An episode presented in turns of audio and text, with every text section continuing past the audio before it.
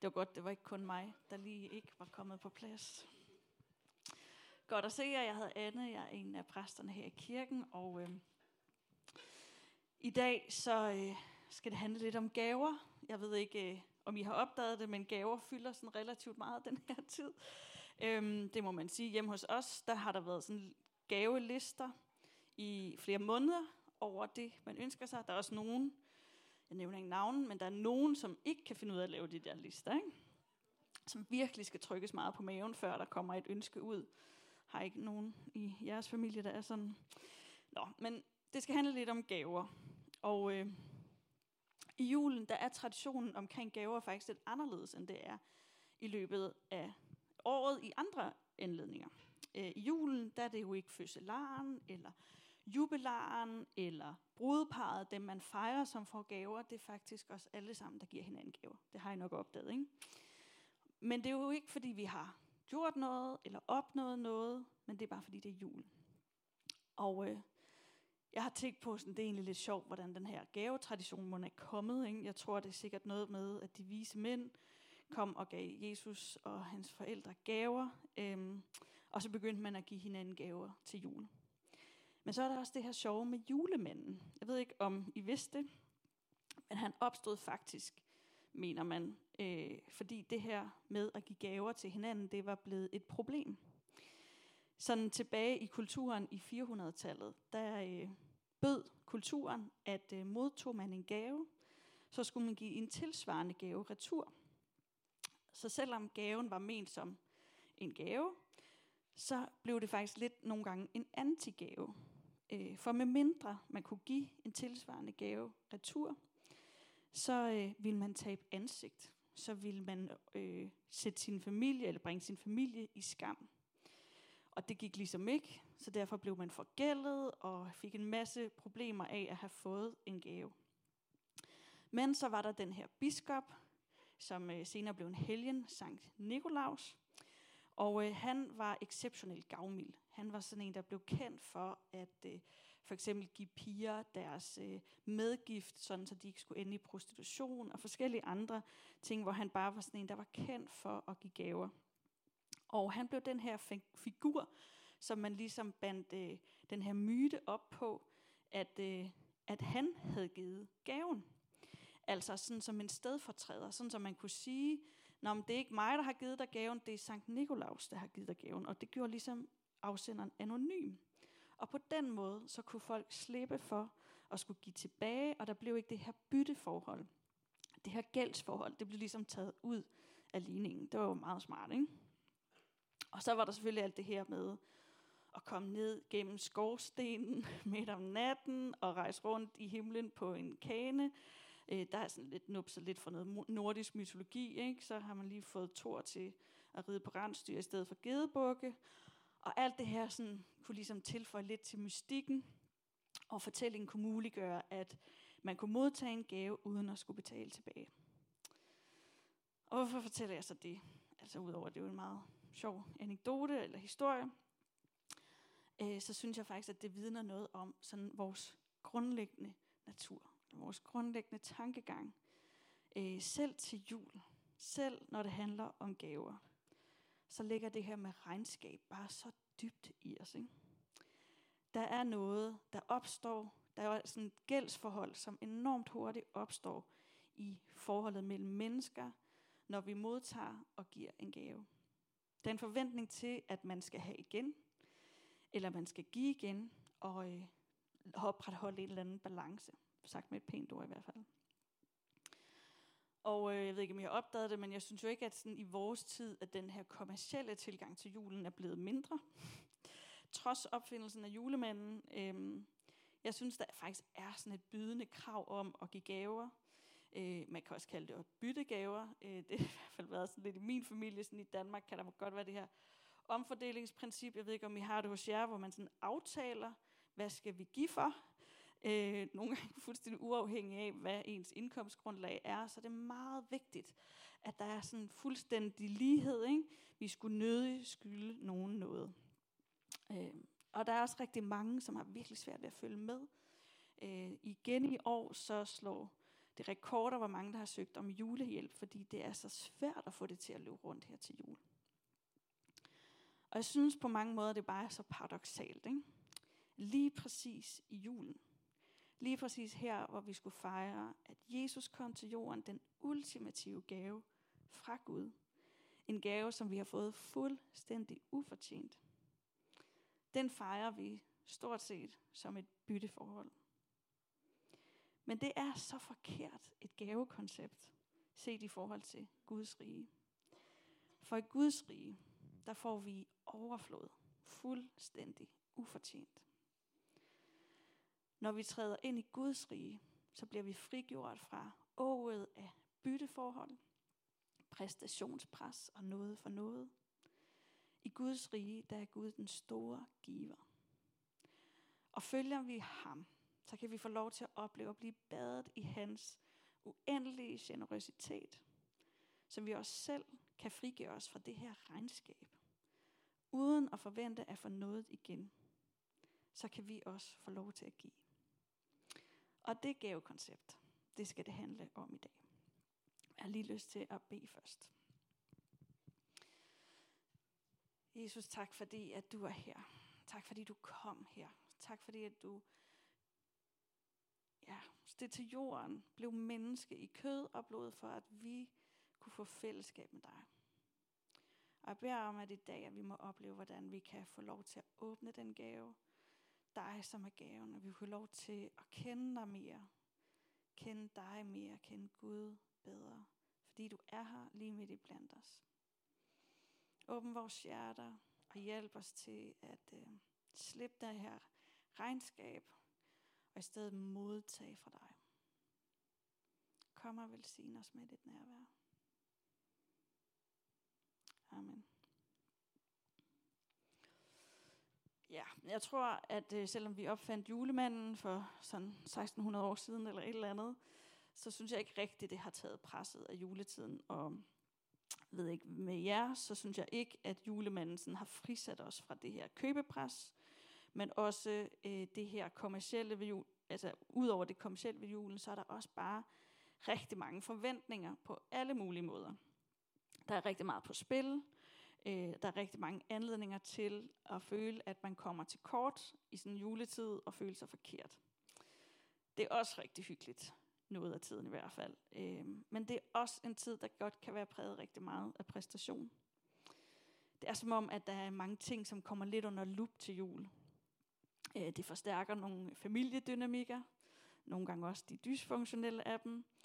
Øh, forventningerne er helt oppe, og øh, det kan virkelig skabe basis for konflikter. Det kan være en skøn juletid, men det kan også være en tid, som egentlig er lidt svær at komme igennem. Vi kan nemt blive øh, konfronteret med alt det, vi ikke formår, ikke har, som andre til synlædende har og formår. Og særligt, hvis det kommer til at handle om de ting, vi kan købe. Og vi kan nemt blive skuffet, ikke? Og vi kan også nemt komme til at skuffe andre. Det kan godt føles som om, der egentlig ikke er nok. At der ikke er nok at give af. At der ikke er nok at få af. Og øh, værnet mod den her skuffelse til jul, det kan hurtigt blive sådan lidt kynisme og ligegyldighed. Eller man kan bare stræbe efter at løbe hurtigere og øh, prøve at få det hele til at gå op alligevel, ikke? og se, hvor længe det så går. Men jeg tror også, der er en anden vej. Jeg tror, at øh, juleevangeliet, de gode nyheder, jeg tror, at de har en anden vej end kynisme og ligegyldighed. Og helt kort, så tror jeg, at det handler om at øh, tage imod fra giveren den helt store gave. Og øh, det kommer jeg til at udfolde lidt i dag. Og det skal ikke være at lave en julemand, så vi kan lade som om, der ikke er nogen giver. Men det handler om at blive sat fri fra det her regnskab, det her præstationsræs, ved at opdage ham, der giver. Og jeg tror, at vi finder Gud, at vi finder giveren, når vi nærmer os ham. Ikke som forældreløse børn, der opererer i en verden af knaphed, men som børn af ham, der skabte himlen og jord med uendelige ressourcer. Jeg siger det lige igen. Vi finder Gud, giveren, når vi nærmer os ham. Ikke som forældreløse børn, der kun opererer i en verden af knaphed, men som børn af ham, der skabte himlen og jorden med uendelige ressourcer. Og det her med at nærme os giveren, nærme os Gud som ham, der har alt, og at vi nærmer os ham som hans børn, det er lettere sagt end gjort. At Gud han skulle være den store giver, at jeg kan nærme mig ham som hans barn. Det forudsætter faktisk, at jeg har tillid til, at han vil mig det godt. Og en forståelse af, at han vil give mig det, som jeg har brug for. Men øh, så er det så, at man kan kigge lidt nærmere på den her verden. Og måske også øh, på det, der sker i ens eget liv eller ens nærmeste liv. Og så kan man godt blive lidt kynisk. For der sker immer væk meget skidt rundt i verden. Der sker ufattelig mange dårlige ting hver eneste dag. Og det virker næppe som om, der er nok til alle. Men øh, at der derimod er kamp til stregen. Og hvad siger det så om Gud, hvis han har alle ressourcer? Og personligt så er jeg virkelig bakset med det her spørgsmål rigtig meget. Jeg synes faktisk ikke, det var særlig nemt, eller er særlig nemt at tro på, at Gud kan være den gode giver, forsørgeren, der tager sig af sine børn. For jeg synes ikke, at verden er retfærdig. Jeg synes, det er tydeligt, at der hverken er lighed, eller at goder og helbred og succes er fordelt ligeligt i den her verden. Tværtimod. Og når jeg bliver ældre, jo mere bliver jeg bare øh, konfronteret med den her virkelighed. Og for år tilbage, så blev min utilfredshed, hvis man kan sige det sådan, med Gud, over hans manglende indgriben og uretfærdige fordeling af goder, den blev virkelig forstærket af, at jeg fik rigtig meget at gøre med trafficking og handlede kvinder. Og øh, jeg hørte og læste og blev konfronteret med så mange historier om kvinder, øh, som i livet i Danmark og på vejen hertil havde været udsat for horrible overgreb, svigt, groveste udnyttelse, og som var blevet helt og dels uretfærdigt behandlet på alle måder. De havde simpelthen forfærdeligt liv.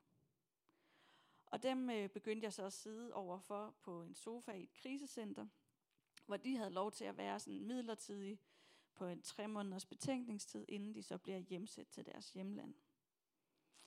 Og jeg kunne bare, når vagten var slut, cykle hjem til mit trygge hjem, min dejlige mand. Og det var så uretfærdigt, som det overhovedet kunne blive. Og det gjorde det endnu værre for mig, at de her kvinder var ofte kristne. Det ramte mig virkelig. Jeg fattede simpelthen ikke, hvordan Gud kunne være en god far, der tager sig af hans børn, når vi blev behandlet så uforholdsmæssigt uretfærdigt. Og kynismen, den lå lige til højre benet. At Gud var ligeglad. For retfærdigt, det var det i hvert fald ikke. Og jeg forstod simpelthen ikke, hvorfor de skulle have så utrolig forfærdelige liv sammenlignet med, med mit. Og konfrontationen med den her uretfærdighed, den kastede mig simpelthen ud i en hel masse teologiske problemer eller dilemmaer. Og øh, dels så måtte jeg undersøge, og have et større arbejde i gang og læse bøger om, hvordan jeg skulle forstå Guds retfærdighed i uretfærdighederne, jeg blev konfronteret med. Og det kunne jeg egentlig holde en ekstra tale om, hvordan Guds rige ikke er brudt fuldt ud igennem, og der stadig er så meget, der skal genoprettes i den her verden, og hvilken opgave det er, vi har som efterfølger af Jesus. Den tager vi i januar. Vi skal snakke om Guds retfærdighed i en social uretfærdig verden, når vi kommer til januar. Men der var også det her med, hvordan vi skulle forstå, eller hvordan vi skal forstå Gud som giveren. Og det lærte jeg gennem mødet med kvinderne. For de lærte mig virkelig noget om, hvem Gud er. De havde simpelthen grebet noget om Gud, om julens budskab, som jeg ikke havde. På trods af, eller måske lige præcis gennem deres elendighed. De havde forstået, at Gud kommer til os midt i vores mørke og elendighed med sit lys. Og måske fordi deres mørke var så dybt, så havde de virkelig set lyset. De havde forstået gaven. de havde forstået giveren.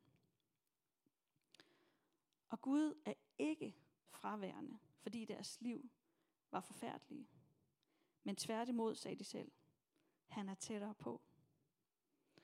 For eksempel var der en aften, hvor vi sad øh, rundt om spisebordet på det her krisecenter, og øh, det var påsketid, og de begyndte at spørge sådan lidt om, øh, hvordan danskerne gjorde til påske med kirkegang, og så måtte jeg fortælle, at jamen, jeg gik i kirke, men de fleste danskere var ikke så kristne og gik ikke så meget i kirke, og um, de sad og rystede på hovedet, der var bare sådan, åh, hvor var det mærkeligt, danskere er mærkelige, ikke? Og øh, så begyndte de at fortælle om deres egne oplevelser med danskernes manglende tro, manglende forståelse af evangeliet og Jesus. Og så var der en, der blandt andet fortalte, at øh, hun havde mødt en betjent, en dansk betjent, som havde låst hende inde i hendes fængselscelle, som hun havde sagt til hende, Nå, hvor er din Jesus nu? Hvor til hun sagde til os andre, at betjenten jo tydeligvis ikke havde forstået, at når man er i fængsel, så er det der, Jesus er aller tættest på. Og så nikkede de andre kvinder sådan, yes, det ved vi godt. De vidste i hvert fald godt, at Jesus er med en lige der, midt i fængselscellen. Om nogen så havde de her kvinder oplevet mørket, havde forfærdelige episoder at berette om i deres liv.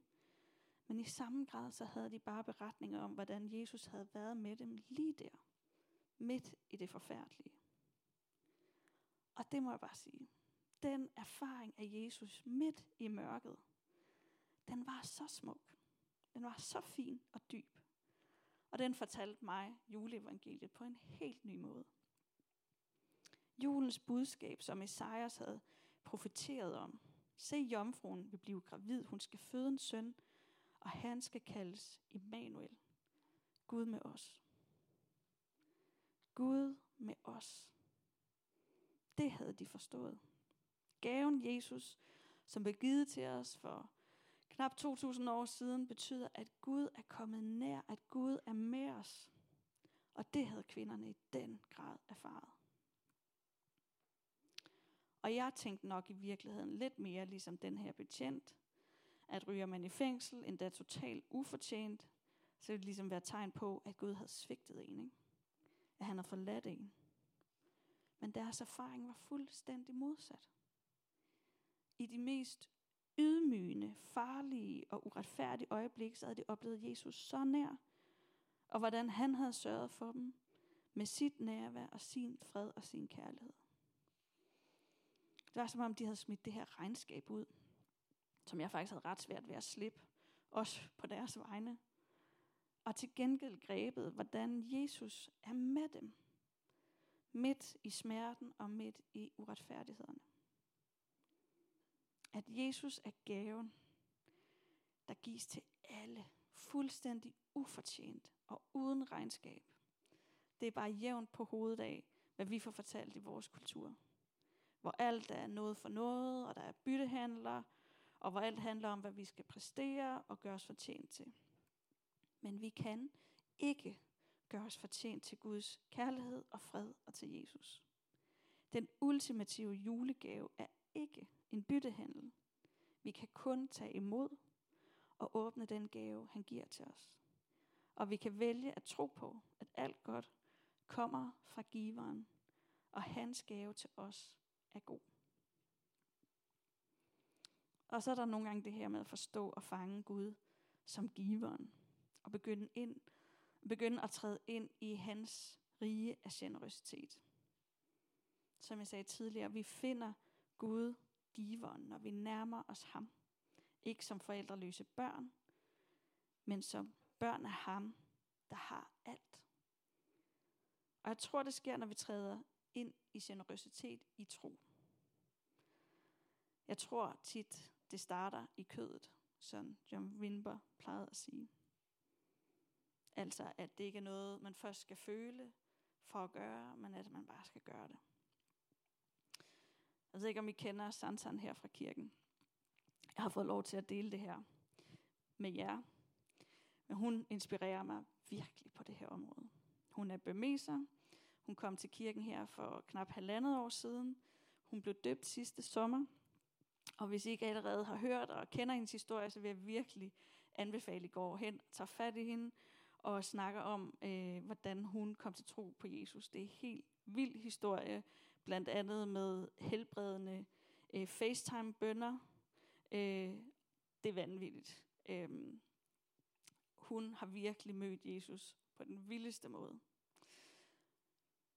Men Sanson, hun blev 40 år sidste lørdag, og øh, udover at være med til julebal og danse rundt her, så fejrer hun den også, som hun plejer.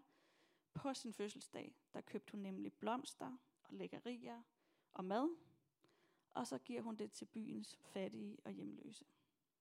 Og det gjorde hun også i år, på sin fødselsdag. Og så gør hun også rent her i kirken. Hun knokler rundt, når der bliver lejet ud til fester. Og så sender hun stor del af de penge, som hun tjener til Myanmar, til hendes familie og venner, som er forfulgt.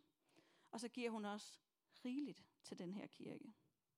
Så beder hun for os, særligt når hun går rundt og gør rent, så beder hun om Guds velsignelse rundt i afkrogene og for os som fællesskab. Og hun er virkelig en bønnekriger, og jeg tror, det gør sådan en stor forskel, hvad hun giver til den her kirke. Og når hun selv går til forbøn, så beder hun om at blive velsignet økonomisk, vel at mærke, så hun kan velsigne kirken og dem, hun støtter i Myanmar økonomisk. Seriøst. Den kvinde har bare fattet noget om Guds generøsitet. Hun er blevet kort op i Guds natur. Hun er så gavmild. Og Gud er generøs. Gud har den her overflod af generøsitet, som vi kan tabe ind i. Og hun deler ud af det, hun har, som hun oplever, hun har fået givet. Og er ham, som alt tilhører. Og hun elsker det. Hun elsker at give til Guds rige og være generøs som efterfølger af ham. Og hun er så taknemmelig for, at hun kan give det videre, som hun har fået. Og det er som om generøsitet og taknemmelighed, det hænger uløseligt sammen. At gavmilde mennesker, de er også taknemmelige mennesker. Jeg må bare sige, at taknemmelighed, det er også noget, man vælger. Det er langt mere en indstilling, end det handler om, hvad man reelt har. Så ønsker du at nærme dig giveren, ikke som et forældreløst barn i en verden af knaphed, men som et barn af ham, der har alle ressourcer. Så begynd med tak. Begynd at tælle alle de velsignelser, han har givet dig. Prøv at lave en liste over alt det, du er taknemmelig over. Det er faktisk en ret vild øvelse. Kommer man først i gang, så er det lidt svært at stoppe. Jeg kan jo begynde. Jeg har luft i mine lunger. Jeg vågnede op i morges. Jeg kender jer. Jeg har lov til at være en del af et fællesskab sammen med jer. Og der er mange andre, som har gået forud for, at vi kan være her i dag, som har investeret helt konkret i Aarhus Vineyard, og gjort det muligt, at vi er her, at vi har en stol at sidde på, er i bund og grund muligt, fordi andre har været generøse og givet til den her kirke. Så er jeg taknemmelig for, at vi kan være fællesskab, at vi ikke bliver forfulgt. Og øhm, jeg er også bare taknemmelig, når jeg begynder at tænke over det, for at der var en kirke i København, København Vineyard, som tog imod mig på et tidspunkt, hvor jeg var så sprød, og overhovedet ikke troede, at Gud ville have noget som helst med mig at gøre, eller at jeg ville have noget at gøre med ham. Men der var nogen, der inkluderede mig og tog sig af mig, så jeg fik en relation med Jesus selv.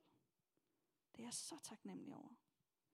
Jeg er taknemmelig over, at jeg trygt kan gå på gaden i et land, hvor jeg godt kan fortælle, at jeg følger Jesus offentligt, uden at blive forfulgt. Jeg kunne blive ved. Og gør man det til en disciplin at takke Gud dagligt, så former det os virkelig. Og vi nærmer os hans natur, som er uendelig generøs. Og i Guds rige, der er der ikke noget regnskab, hvor vi behøver at sikre os, at vi får noget igen. Nej, hos ham så er det igen ufortjent. Alt vi er blevet givet, har vi fået for intet. Og i det rige, der bliver vi også i stand til at give uden regning. I dyb erkendelse af alt det, vi har fået givet. Og vi må simpelthen smide det her regnskab ud, hvis vi skal have del i Guds fylde, i Guds rige. Og det gælder både, når vi kæmper, når vi skammer os, når vi føler os uværdige, når vi ikke føler, at vi har noget at give. Vi kan ikke gøre os fortjent til Guds gave. Og vi er faktisk heller ikke gode nok, og vi har ikke fortjent det. Som Paulus han skriver i Romerne, og det her det er 2020-versionen, eller til Romerne. Mens vi stadig var tyranniseret af vores selvoptagethed, døde Kristus for os. Der er næppe nogen, der vil gå i døden for et menneske, der opfører sig, som man skal. Måske er der enkelte, der vil sætte livet på spil for en, der virkelig er god. Men Gud viser os sin kærlighed ved, at Kristus døde for os, selvom vi gjorde oprør mod ham. Og Gud forsonede sig med os ved at lade sin søn dø, mens vi stadig var hans fjender. Mens vi stadig var hans fjender. Han elskede os og gav os Jesus, mens vi stadig var hans fjender. Regnstykket går ikke op i Guds rige. Vi kan og skal ikke gøre os fortjent til noget som helst i Guds rige. Jesus kom til jorden, han døde for os, uden at vi havde gjort noget for det. Tværtimod var vi hans fjender. Og alligevel kom han til jorden og døde for os. Vores verden, fyldt af elendighed, uretfærdighed og grusomhed, brød Gud ind i med gaven Jesus. Midt i mørket. Vi har skabt for os selv, der bragte Gud lyset. Ikke fordi vi fortjener det. Fuldstændig ufortjent gav Gud os Jesus. Hans allermest dyrebare gave er kærlighed. Er dyb, dyb kærlighed til os. Så lad os læne os ind i giverens rige af overflod og tage imod gaven, Jesus selv i vores liv. Og i den bevægelse opdage, at alle gaver, gode gaver, kommer fra ham. Jeg har lyst til, at vi i dag skal bruge lidt tid på os og bede for dem af os, som gerne vil opdage gaven og opdage giveren, som føler sig lidt forfanget af det her regnskab, og måske lidt for lidt er blevet sat fri. Øhm, så det har jeg lyst til at gøre bagefter. Der er nemlig mulighed for forbøn herover.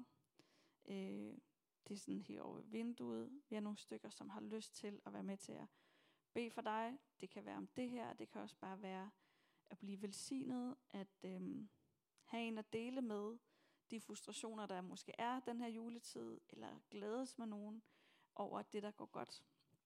Sig tak med nogle andre. Eller at mærke, at Gud er med dig. Det tror vi virkelig på sker, når vi også beder for hinanden. Så seriøst velkommen til at komme herover. Jeg vil ikke uh, lade den chance gå forbi, hvis jeg var dig. Og så vil jeg slutte af med at læse fra Esajas, hvad det er for et rige, som brød igennem, da Jesus kom til os. Det er Guds rige, som vi kan modtage som den ultimative gave fra den store giver. Og måske kan du bare øh, læne dig tilbage og lukke øjnene og tage imod. Det folk, som går rundt i mørke, skal se et strålende lys. Lyset vil skinne på alle, som lever i dødskyggens land. Herre, du gør jublen stor. Du fylder os med glæde, som når høstfolk fryder sig over høsten, som kriger og jubler, når de deler byttet. For du bryder det tunge å, som hviler på vores skuldre, og knækker slavefodens kæp. For et barn er født os, en søn er os givet. Han skal herske over os, og han skal kaldes underfuld rådgiver, vældig Gud, evig fader og fredsfyrste. Når han bliver konge i Davids rige, bliver hans magt uden grænser, og han skaber fred over alt, for han bygger sit rige på retfærdighed fra nu af og til evig tid.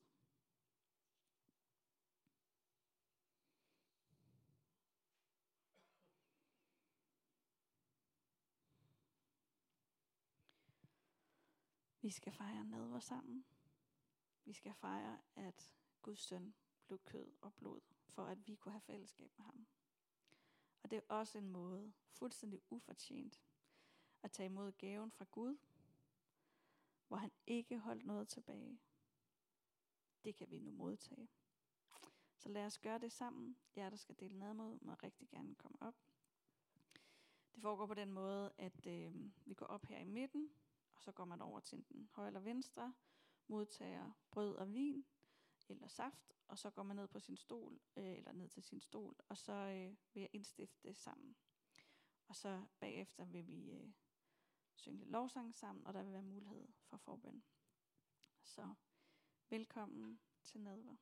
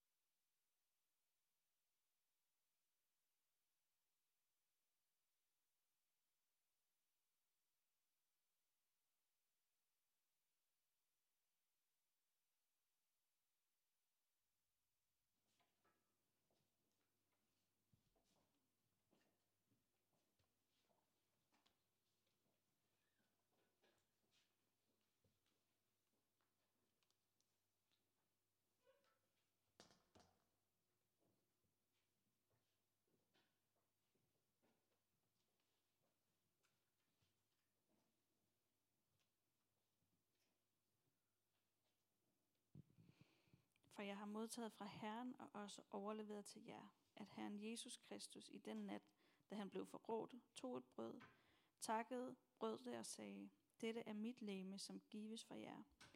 Gør dette til ihukommelse af mig.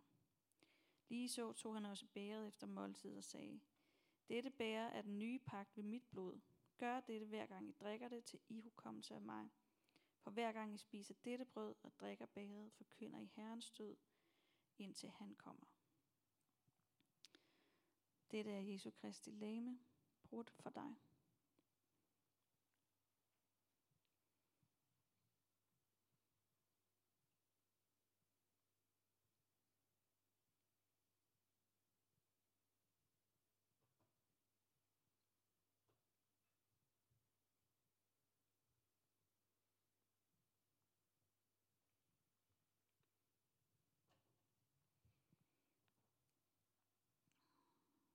Dette er Jesu Kristi blod, udgydt for dig.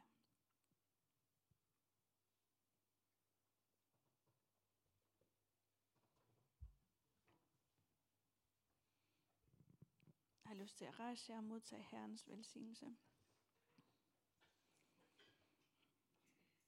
Herren velsigne dig og bevare dig. Herren lader sit ansigt lyse over dig og være dig nådig. Herren løfte sit åsyn på dig og give dig fred. Amen.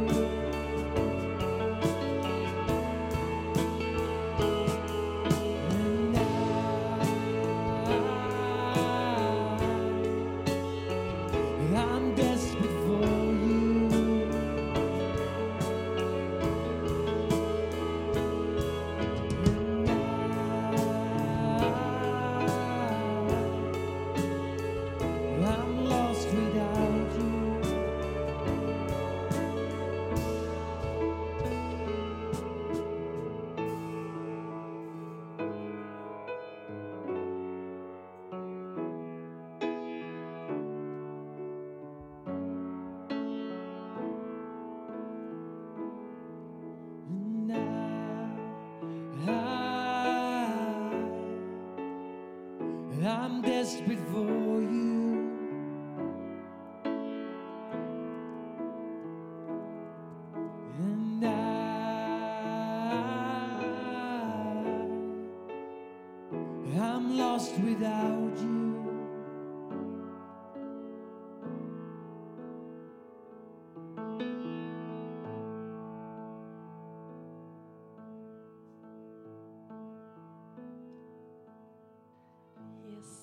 Gudstjenesten den er ved at nå til vejs ende, men øh,